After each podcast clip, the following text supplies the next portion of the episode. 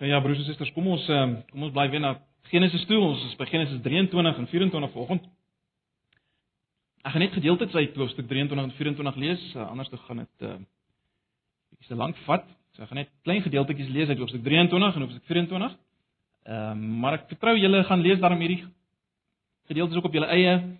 Ek weet van julle is besig met Genesis maar dit is belangrik om dit myself te lees. Ons eh, kan ongelukkig nie uh, as mens nou besig is met eh, 'n uh, boek soos Genesis wat geweldig verhalend is, uh, dan hanteer mens dit so 'n bietjie anders as wat jy nou uh, Paulus se briewe sal hanteer en uh, ongelukkig kan 'n ou ook nie uh in 'n preek op 'n oggend hier kan jy nie die hele gedeelte lees nie. Dit gaan dit net eenvoudig te lank raak. So ons hanteer dit 'n bietjie anders, né? Nee. Maar goed, hoofstuk 23. Kom ons uh, lees Kom ons begin daar by vers 1. Uh dan lees ons so vier verse daar en dan gaan ons ook van vers 17 tot 18 lees. Sara het 127 jaar oud geword. Sy is oorlede in Kiriat Arba. Dit is in Hebron of dit is Hebron in Kanaan. Abraham het oor haar gaan rou en huil. Daarna het hy die lyk daar gelaat en vir die Hittite gaan sê: "Ek is 'n vreemdeling, 'n bywoner by julle. Geef vir my 'n vaste besitting as graf hier by julle sodat ek my vrou daarin kan begrawe." Dan net vers 17 vanaf vers 17.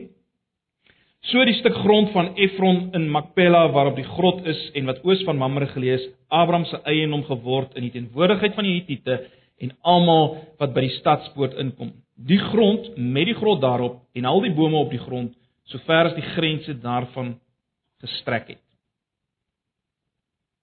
En dan hoofstuk 24.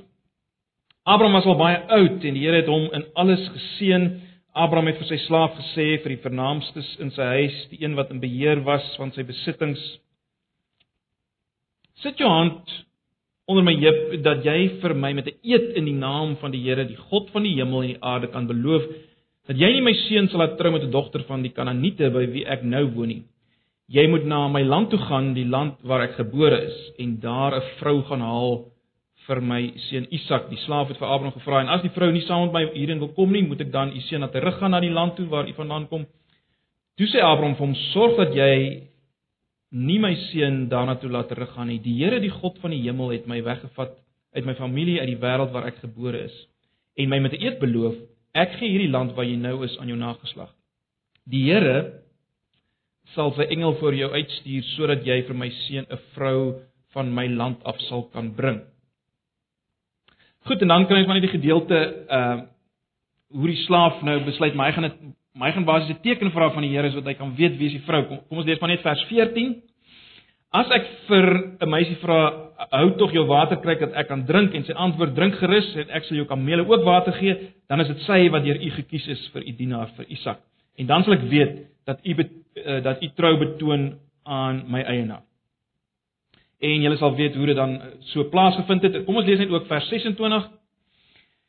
Toe die man gekniel en tot die Here gebid aan die Here, die God van Abraham. Dink dis die vers wat uh, jy gelees het, Chris. Uh toe die man gekniel en tot die Here gebid aan die Here, die God van Abraham, wie se slaaf ek is, kom die lof toe. Die Here het nie sy troue liefde van my dienaar weerhou nie en vir my het die Here reguit gelei na die huis van my eienaar se broer toe. Dis vers 26, want jy net nog aanbly na vers 50 kry ons nou Laban hulle se reaksie. Toe antwoord Laban en Beteel wat gebeur het is van die Here. Ons het vir jou daaroor niks te sê. Wat gebeur het is van die Here, ons het vir jou daaroor niks te sê. Goed, net sover. So ek sê ons uh, kan nou nie alles lees nie. Julle moet maar self uh, dit gaan lees rustig op julle eie tyd. Die vraag wat ek vanoggend mee wil begin is dit: Is God betrokke of laat ek dit so stel? Ja, kom ons stel dit maar so. Is God betrokke in die detail van my lewe? Is God betrokke in die fyn besonderhede van my lewe? Maar meer nog, lei hy my lei hy my in die fyn besonderhede van my lewe? Hoe lei hy my? Nog 'n vraag, né? Nee. Is God betrokke? Lei hy my? Hoe lei hy my? Uh moet ek tekens van God vra sodat ek presies kan weet wat om volgende te doen binne hierdie lyding. Ek dink dit is vrae waarmee ons al almal op 'n stadium geworstel het, waarskynlik steeds worstel. en tot 'n mate sekerlik altyd sal worstel. Ek dink tog broers en susters dat Genesis 23 en 24 help ons om lig hierop te kry as ons dit reg hanteer en as ons dit hanteer Genesis 23 en 24 uh, binne die raamwerk van die van die hele skrif Openbaring. Dink ek tog dit help vir ons om antwoorde te kry op op uh, op hierdie vrae. Dit is net belangrik uh voor ons nou gaan insak hierop dat ons osself sal herinner aan wat ons nou reeds gesien het oor die afgelope paar Sondae, want ons moenie dit vergeet nie. Dan gaan ons 'n groot fout maak. Dit is uiters belangrik om te onthou wat ons nou reeds gesien het die afgelope paar Sondae. In die eerste plek het ons gesien dat God is betrokke by Abraham en die wat aan hom behoort. Baie belangrik omrede hy getrou is aan sy verbondsbeloftes. Oor en oor het ons gesien hy het gedink aan Abraham en dan tree hy op. Hy is betrokke by Abraham en sy nageslag of die wat aan hom behoort op hierdie stadium. Uh op grond van sy verbondsbeloftes. Baie baie belangrik. In die tweede plek het ons gesien God is betrokke op grond van sy verbond ten spyte van Abraham en sy tekortkoming en sy sonde. Julle sal onthou uh ten spyte van die feit dat hy uh lieg oor Sara, as God oor Abraham praat, dan sê hy hy's 'n profeet. God sien hom totaal anders. En ons het mekaar gesê ons moet dit onthou dat God ook vir my en jou anders sien as wat ons onsself sien en die mense rondom ons. Hy sien ons in Christus Jesus. Hy, hy het 'n ander identiteit vir ons. Maar goed, dis baie belangrik. Dis die tweede ding wat ons raak gesien. Derdens het ons verlede Sondag gesien dat God maak sy verbondsbeloftes waar dikwels op wat ek wil noem die grond van die afgrond heen of op die rand van die afgrond heen, ekskuus. Op die rand van die afgrond heen maak hy sy verbondsbeloftes waar. Ons het dit gesien in die geval van uh Hagar en Ismael, Ismael wat deel is van die belofte uh dat uh baie nasies sal uit Abraham voortkom en hy sterwend en dan gryp God daarin. En natuurlik die beste voorbeeld ehm uh, Genesis 22 waarna ons verlede keer gekyk het. Uh dit lyk asof alles vernietig is, asof God self 'n streep trek deur al die beloftes as uh, Isak vasgebind is op 'n altaar. God maak sy beloftes waar op die rand van die afgrond heen en dit is baie belangrik om dit ook te onthou vir oggend. En dan in die vierde plek wat ons ook verlede Sondag gesien het, wat vir God die belangrikste is, is hy self. Met ander woorde dat ons aan hom verbonde bly. Dis die groot inhoud van van die verbond met Abraham. Ek wil vir jou God wees. Nie net dit wat God kan gee is belangrik nie. En, en dis juist die rede hoekom God dit as te ware in Genesis 22 self bedreig al sy beloftes want hy wil nie hê Abraham moet net vashou aan dit wat God kan gee, sy beloftes nie. Nee, hy moet aan God self vashou. God self. Dis die diepste dit waaroor dit gaan en dis baie belangrik dat ons dit sondig. En dan 'n vyfde ding wat ons gesien het is is dat God is die een met 'n vaderhart. Né? Nee, ons het dit so mooi gesien in daai in God se ontferming oor oor Hagar en dan veral Ismael as hy sterwend is, uh, gaan lees dit maar weer. Hoe tree God op? Sy absolute vaderhart. En uh in Genesis 22 as ons in gedagte hou dat dit wat Abraham aan Isak doen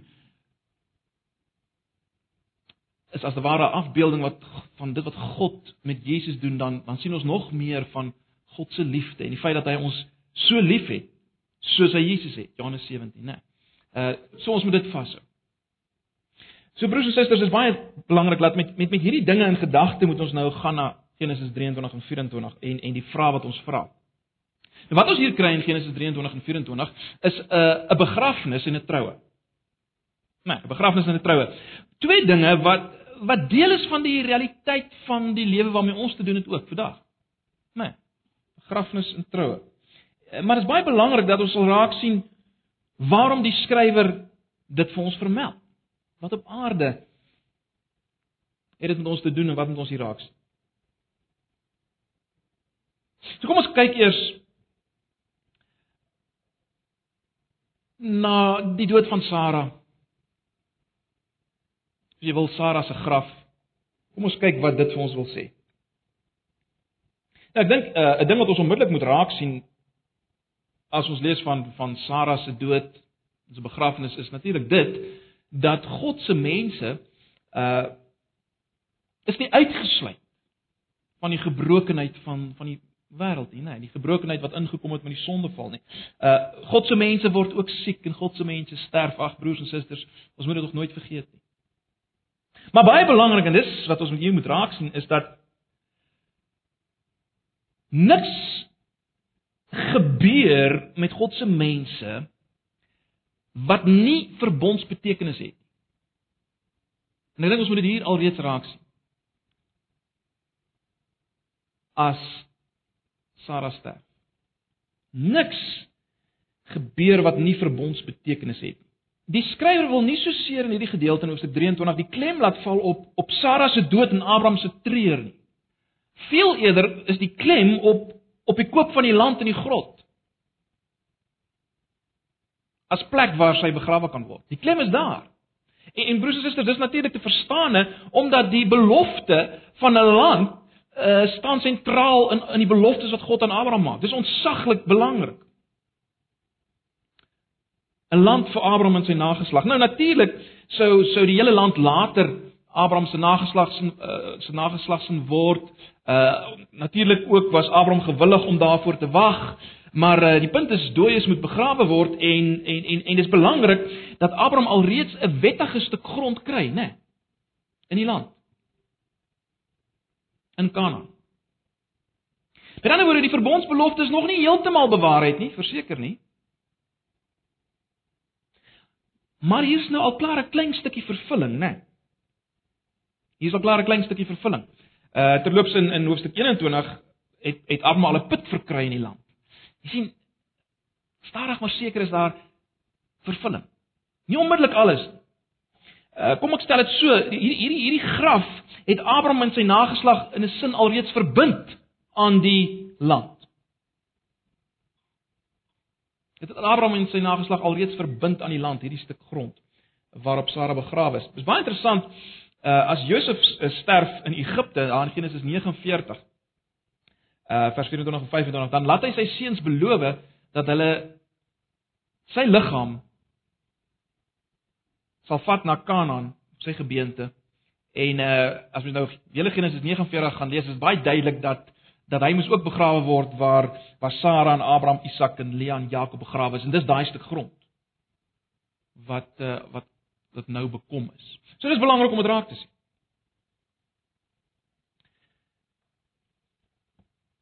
God bly getrou aan sy verbondsbelofte aan Abraham.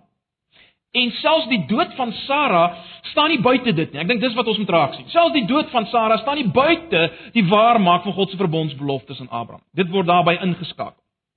Goed, so dis die gedeelte van Sara se se dood. Nou die gedeelte oor oor 'n vrou vir Isak. Julle sal weet tot nou toe het ons met verskeie struikelblokke te doen gehad in die waarmaak van God se beloftes aan Abraham, né? Nee, daar was droogte. Daar was hongersnood, daar was Lot, daar was Ismael. Daar was uiteindelik in Genesis 22 God se opdrag om Isak te offer. Dit was alles bedreigings vir dit wat God beloof het. Nou aan die begin van hoofstuk 24 kom ons nou by nog so 'n struikelblok. Abraham se seun Isak moet 'n vrou kry. En broers en susters, ons moet dit verstaan. Hy moet 'n vrou kry vir enige verdere waarmaking van die beloftes. As hy nie 'n vrou kry nie, is alles daarmee een. Dan's alles daarmee een. So is geweldig belangrik om dit raak te sien. En die vraag is onmiddellik, hoe gaan Isak 'n vrou kry? Punt nommer 1, sonder om te vermeng met die Kanaaniete.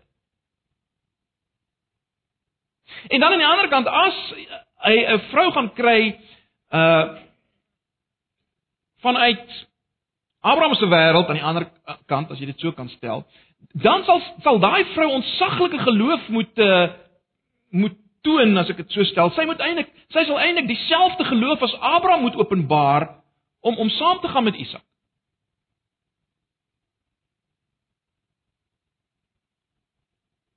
En dan is dit nie 'n eenvoudige saak hierdie nie.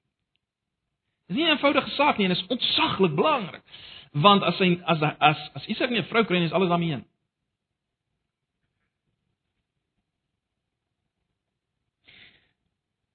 Ons moenie vergeet nie op hierdie punt broers en susters het Abraham hoegenaamd nog nie 'n groot nasie geword nie. Alles hang eintlik nog aan 'n draadjie. Die hele oorlewing van die verbondslyn as jy wil hang nog steeds aan 'n aan 'n draadjie.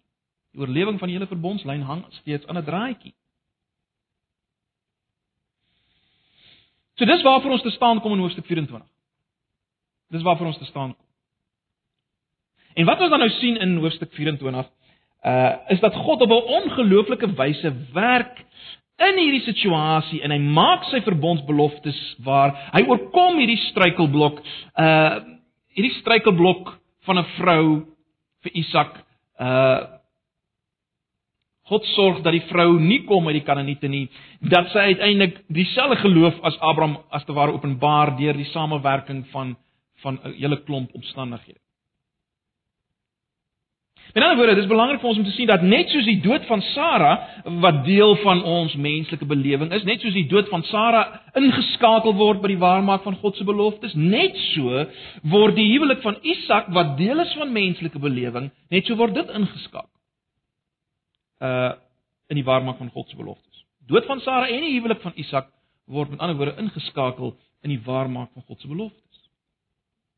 So ek dink wat ons uh, vir ons wat nou binne die die nuwe verbondsbedeling beleef, ons kan dit verseker vat.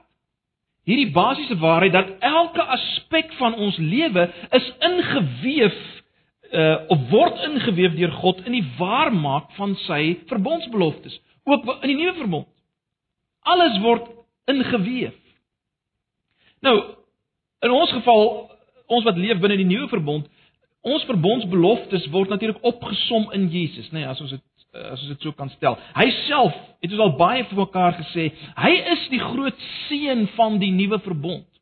Hy self met met alles wat hy is in ons en vir ons. Dit sluit in sonde vergifnis wat deel is van van die nuwe verbond, die ongelooflike ding van sondevergifnis. Die ongelooflike waarheid van die Heilige Gees wat in ons bly. Die ongelooflike waarheid van vrye toegang tot die Vader. Ewige lewe en ons weet daardie ewige lewe volgens Johannes 17 vers 3 lê in die ken van God en Jesus.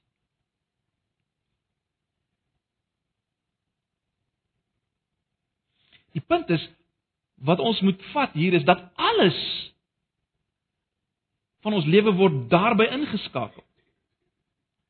By die belewing daarvan en die waarmaak van die belewing van hierdie dinge in Christus Jesus. Al hierdie wonderlike waarhede van die nuwe verbond.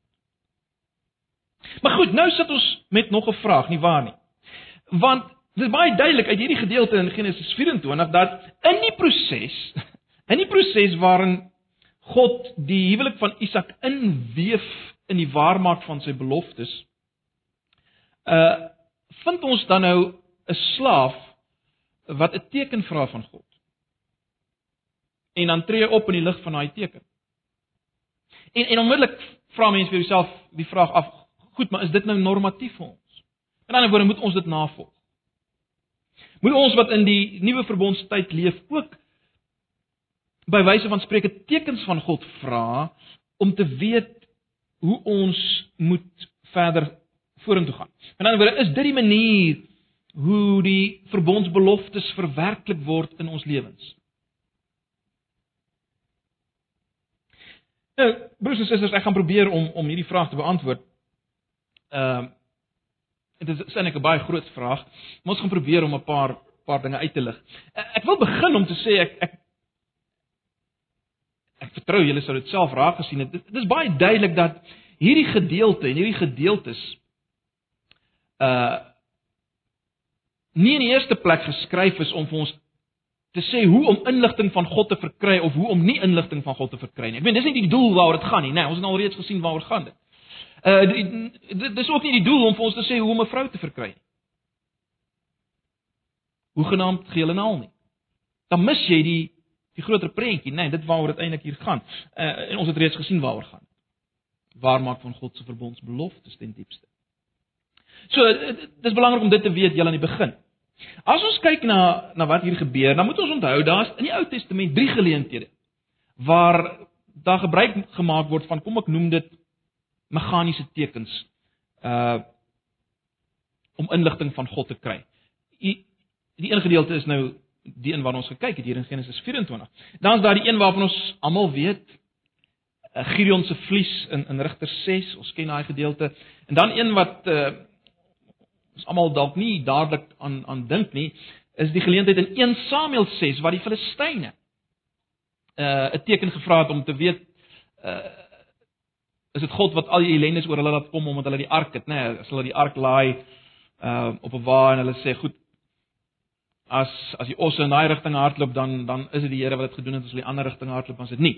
En dis dis die ander gedeelte in die Ou Testament waar daar sprake is van van so meganiese teken. Nou daar's 'n paar kenmerke van al hierdie van al drie hierdie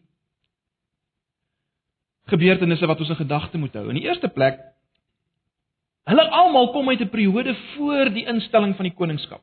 Met ander woorde, dis baie vroeg in die openbaringsgeskiedenis waar hierdie tekens voorkom of waar hierdie eh, gebeure voorkom. In die tweede plek word dit elke keer uitgevoer deur iemand wat nie geestelik, as ek dit so kan noem, baie volwasse is nie, as mens die term kan kan gebruik vir vir Ou Testamentiese gelowiges. Uh dit word elke keer uitgevoer deur iemand wat nie geestelik vreeslik volwasse is nie. As ons dink aan die slaaf van Abraham, ons ons weet nie veel van hom nie, dit uh, toegegee, uh, maar uh mens kan jouself indink uh, in die lig van die feit dat selfs Abraham nog 'n geweldige pad gehad het om te loop dat dat hierdie slaaf van Abraham was nie juis uh 'n geestelik volwasse nie.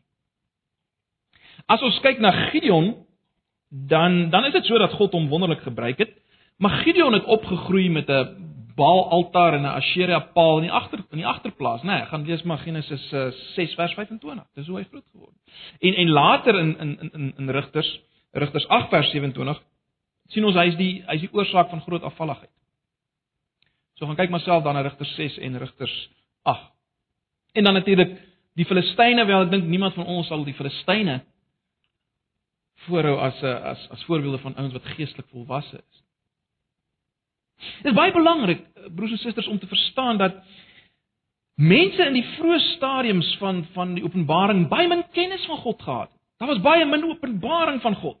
En en daarom die feit dat hierdie tekens deur God gebruik is, sê baie meer van God se se verdraagsaamheid en sy genade en sy getrouheid as wat dit iets sê van die ouens wat dit gebruik het. Ons moet dit raaks.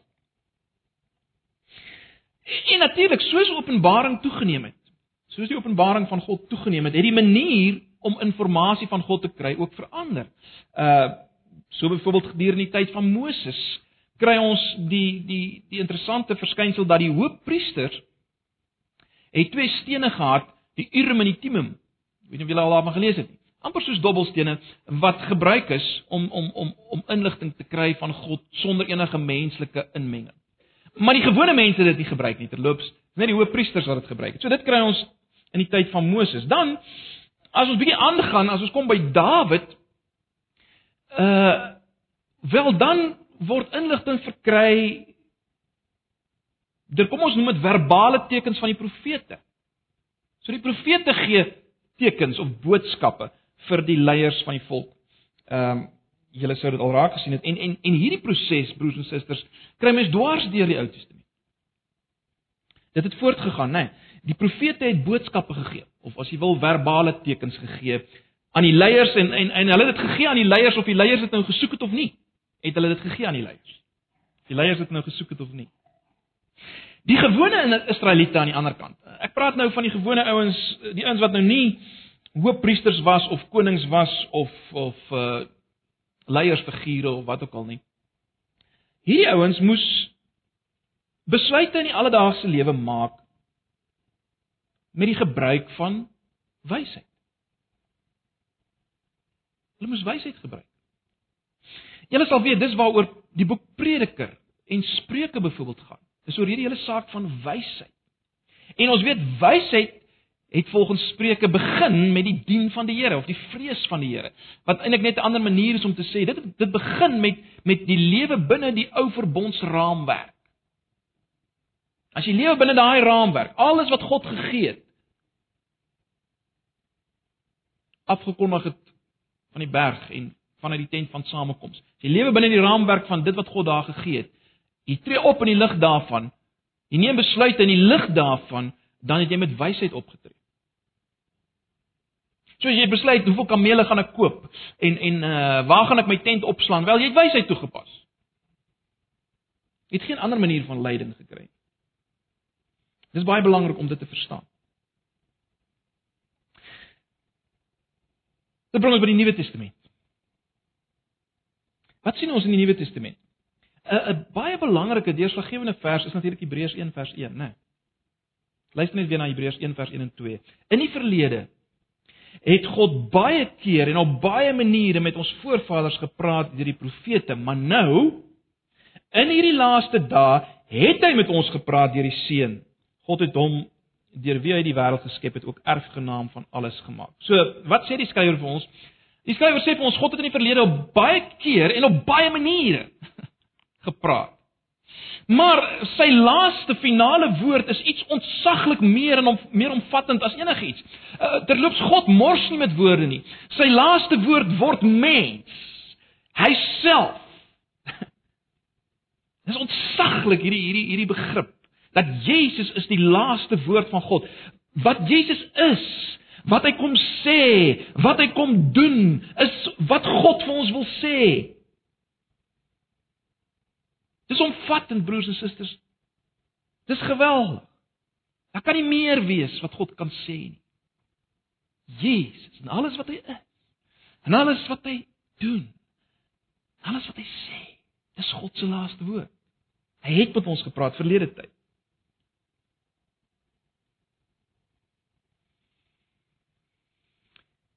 Maar weet jy sal op hierdie punt vir my sê, maar goed. Ek hoor dit, maar daar's tog nog steeds praktiese dinge wat ons moet weet. Uh praktiese optrede. Hoe hoe hoe weet ons wat sê God vir ons daar? Nou, hier is iets interessants. Uh as mens by Handelinge kom. In Handelinge 1, ehm uh, vers 26, julle sal weet daar moet moes 'n uh, opvolger aangewys word vir vir Judas. Wat doen die apostels? Baie interessant. Hulle werp die lood. Hulle bid tot Jesus. Baie dis baie belangrik om dit raak te sien want hy moet dit aanwys, maar hulle hulle, hulle werp dan die lood as hulle gebid het tot Jesus en Matteus word aangebied, uh, aangewys. Maar baie interessant, dis die heel laaste verwysing in, in die Bybel na enigsins na so iets. Baie interessant, net na hierdie gebeure in Handelinge 6 is daar 'n ideale geleentheid om nou weer gebruik te maak van die lot, maar dit word nie gedoen nie as daar die jakens gekies moet word. Hoe word hulle gekies? Hoe word hulle aangewys? Baie interessant, né? Nee. Die gemeente moes hulle aanwys. Die gemeente moes die, jakens kies. Julle sal weet hulle moes uitgekyk het Daar sekerre eh, eh, kriteria wat gebruik moes word. Dit moes iemand wees wat vol van die Heilige Gees en wysheid was. So 'n persoon moes gekies word. Maar die gemeente moes hulle kies. Daar's nie weer lot gewerp. En hier vind 'n baie belangrike wending plaas. Hier vind 'n geweldige belangrike wending plaas. Nou ons weet natuurlik dit beteken nie dat Jesus het nou teruggestaan uh by die aanwys van Matteus was hy betrokke nou by die aanwys van die diakens was hy nie betrokke nie. Nee nee, hy is absoluut betrokke. Onthou dis hy wat die Gees gee. Dis hy wat doop in die Gees. So, dis steeds hy wat regeer, maar baie belangrik, die gemeente is nou ingeskakel. Hulle moes, kom ek noem die gebruik weer die term wysheid toepas om uit te kyk en te sien in wie se lewens word dit duidelik dat die Gees werksaam is en en wie is die ouens wat met wysheid optree? Wel, Hulle moet gekies word as diakens vir die gemeente.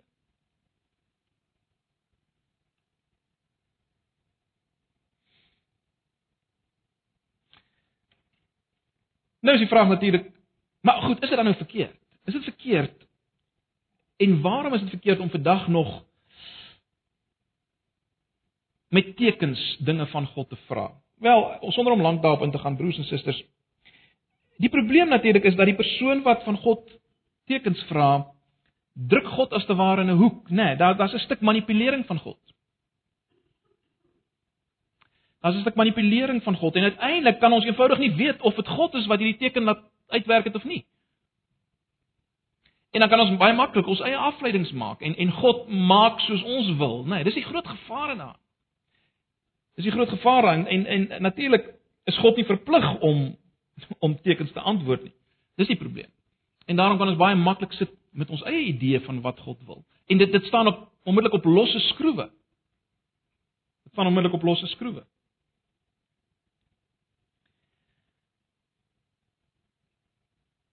Nou, broers en susters, daarmee sê ek nie, luister mooi, dat God nie wel soms wonderbaarlike dinge laat gebeur nadat mense tekens gevra het nie, maar dis weer eens baie eerder 'n teken van sy genade. Uh as wat dit 'n teken is dat dit die regte metode is om te gebruik of dat dit 'n bewys is van geloof. Dis juis ongeloof dikwels, né? Nee. Veral in die bedeling waarin ons nou leef en ek sal nou iets daaroor sê. As ons dink waar ons nou staan. Na Hebreërs 1 vers 1.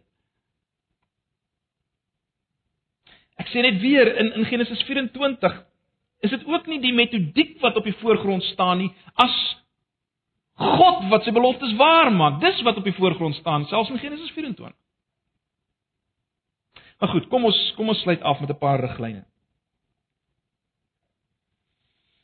Hoe moet ek dink oor die leiding van God in die besonderhede van my lewe. Hoe moet ek daaroor dink?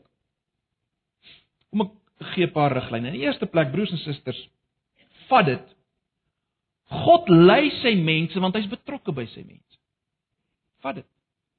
Ons het dit gesien. Onthou nou wat ons nou ook al in die uh, in die ander hoofstukke gesien het. God lei sy mense want hy is absoluut betrokke by sy mense.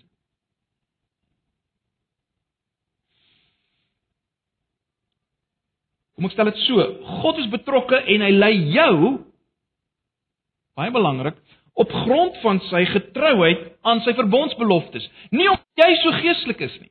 Baie belangrik, want ons het dikwels die idee dat God lei eintlik die geestelik ouens wat geestelik al so ver gevorder het. God lei in die eerste plek op grond van sy getrouheid aan sy verbondsbeloftes, nê. Nee. Nie so seer omdat jy so getrou is of so ver gevorder het. God lei op grond van sy getrouheid aan sy verbondsbeloftes. Maar dan baie belangrik in die derde plek, God lei in ooreenstemming met sy verbondsbeloftes. Ek dink dis wat ons moet raak sien. En nou, baie belangrik vir ons, het ek het ek gesê, is die beloftes die beloftes in Jesus Christus. Al die beloftes wat saamgaan met dit wat Jesus gebring het. Ek het reeds 'n paar genoem, sonde vergifnis, die Gees in ons binneste. Lewe, ewige lewe, al hierdie dinge. God lei in ooreenstemming met sy verbondsbeloftes. En daarom is Romeine 8 vers 28 so belangrik. Ons ken dit almal, miskien moet ons net weer blaai na Romeine 8 vers 28. As ons sê dat uh hy lei in ooreenstemming met sy verbondsbeloftes en Jesus is die groot inhoud. Jesus met alles wat hy is, en wat hy doen in ons en vir ons. Hy is die groot inhoud van die verbondsbelofte. En die lig daarvan is Romeine 8 vers 28 baie belangrik.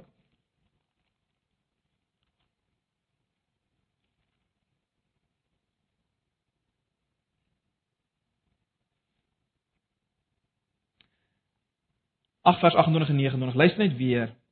Ons weet dat God alles ten goeie laat meewerk vir die wat hom liefhet, die wat volgens sy besluit geroep is, vers 29, die wat hy lank tevore uh, verkies het, het hy ook bestem, luister mooi, om gelykvormig te wees aan die beeld van sy seun, sodat sy seun baie broers kan hê van wie hy die eerste is. En broers en susters, ons moet dit vat. As ons dink oor God se leiding, binne die nuwe verbondsbedeling moet ons dit vat dat God gebruik alle omstandighede in my lewe om my te lei. Hoekom kan ons so sê? Want hy lei met die oog op die waarmaak van sy verbondsbeloftes wat saamgevat word in Jesus. So hy skakel alles daarbey in in my lewe. Ja, selfs my sonde word daarbey ingeskakel. Selfs dit word deur kruis en gebruik in die waarmaak van sy verbondsbeloftes. Ek het al dikwels vir julle gesê die die gelykenis van die verlore seun, né? Nee, die verlore seun eers na sy sonde het hy werklik besef wie die Vader is. God het dit gebruik. So, dis baie belangrik. God gebruik alle omstandighede, alle gebeure om ons te lei volgens sy verbondsbeloftes. En onthou nou, hy lê op die rand van die afgrond dikwels. So dikwels gaan dit lyk asof hy teen jou is en of alles verkeerd loop. Maar dis hoe God werk.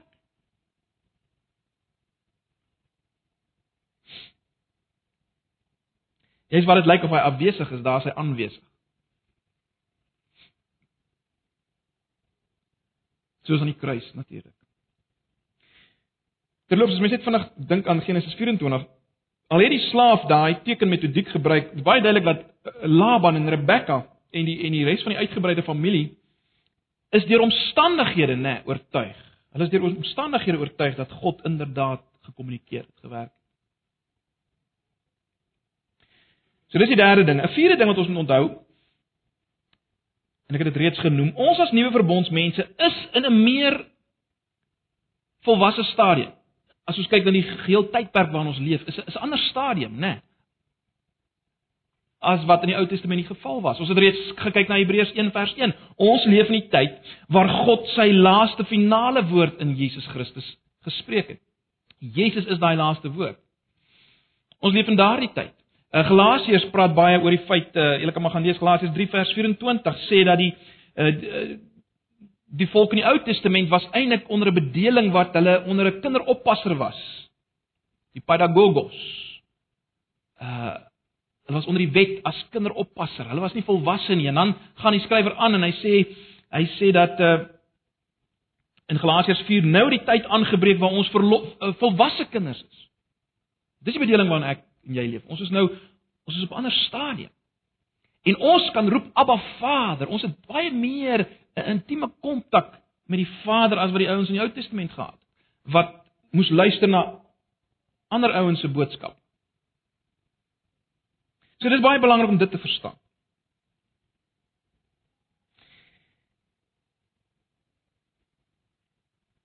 En met dit alles in gedagte broers en susters dat ons in hierdie beter tyd is, dat ons God se laaste finale woord in Jesus het in wie alles wat God wil sê saamgevat is en en terloops ook die alles wat God in die Ou Testament sê kry werklik eers weet ons kry eers werklik betekenis in Jesus. As ons dit alles in gedagte hou, dan kom ons by die laaste ding en dis baie belangrik. Nou moet ek en jy met wysheid binne hierdie raamwerk besluite neem. Ons het die finale woord van God in Jesus Christus. En nou moet ons met wysheid besluite neem. Ons het dit gesien uh, in die eerste gemeente se optrede. Terloops, Jesus word in die Nuwe Testament so genoem, né? Nee, ek dink aan 1 Korintiërs 1 vers 30. Hy het vir ons geword die wysheid wat van God kom. Kolossense 2 vers 3. In hom is al die skatte van wysheid te vind. Uh gaan kyk maar hoe baie die woord wysheid in die Nuwe Testament voorkom. En daarmee saam die rol van die gemeente wat uh, ons kan nie nou daarop uitbrei nie, broers en susters, ons moet dit nooit vergeet nie. God praat en lei deur sy gemeente soos ons nou reeds gesien het in die aanwys van die diakens. Maar dis dis dis 'n paar riglyne oor hoe ons moet dink oor God se praktiese leiding in ons lewens. Met ander woorde, om om af te sluit. Broers en susters, in die eerste plek raak bewus daarvan. Raak bewus dat God is betrokke by my. Hy lei my. Daar's geen twyfel daaroor. Hy lei my. In alles wat met my gebeur, lei hy my en nie omdat hy moet nie, Omdat hy wil, omdat hy vir my lief is. Onthou hy is die Vader wat ons gesien het uh, in die optrede Hagar en Ismael en die optrede op Karmel. Uh, uh, uh, die optrede op Moria, ekskuus. Ons moet dit ons moet dit verstaan. Raak bewus daarvan. God is betrokke by my. Hy lei my in die detail van my lewens. Van begrafnisse tot troues. Ja, is hy betrokke en wil hy betrokke wees. En hy doen dit met die oog op die waarmaak van sy verbondsbeloftes vir ons die beloftes in Jesus. En ja, hy doen dit op die rand van die afgrond heen. Dit lyk dikwels vir ons vreemd. Dit pas nie in by ons idees nie, maar ons moet daaraan vashou.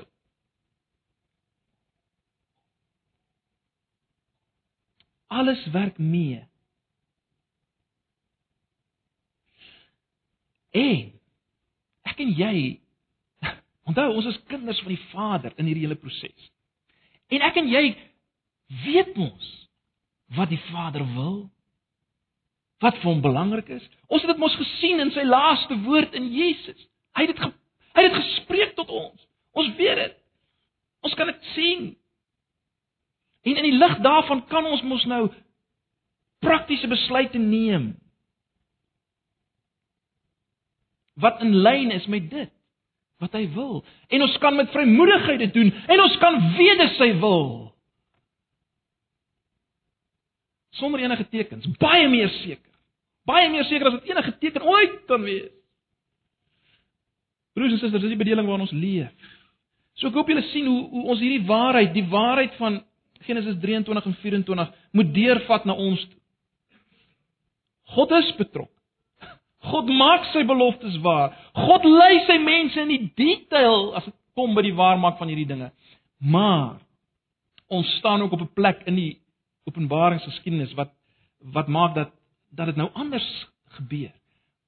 Maar is nog meer duidelik en nog meer seker dat God lei en God maak sy verbondsbeloftes waar. Ag, broers en susters, ek hoop dit het vir ons vir van julle gehelp ten minste om om om uh, rustigheid te kry. Ehm um, oor God se betrokkeheid in jou lewe en hoe hy dit doen. Kom ons vat dit. Kom ons kom ons vat dit. Ek dink ons groot probleem is dat ons twyfel dat God betrokke is by my. Want kyk hoe sukkel ek nog geestelik, né? Nee. Onthou dit. Hy's betrokke by jou ten spyte van jou gebrokenheid. Ten spyte van jou gebrokenheid. Is hy betrokke. En hy lei. En hy sal jou bring waar hy jou wil hê. En hy gebruik alles in die proses. Mag die Here ons daardeur vertroos volg. Kom ons bid saam. Ag Here baie dankie vir u woord.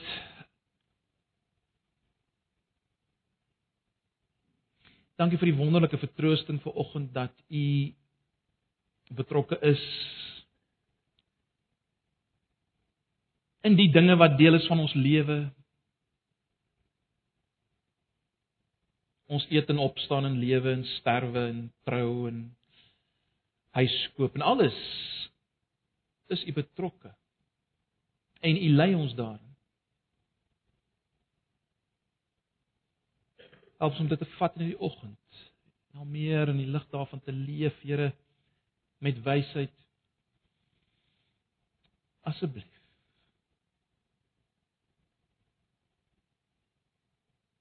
Eer aan U kom al al die eer en al die lof en al die, al die aanbidding toe volg. Verheerlik U self net in ons midde as die waarmaker van U verbondsbeloftes asseblief. Ek bid vir elkeen wat vanoggend hier sit.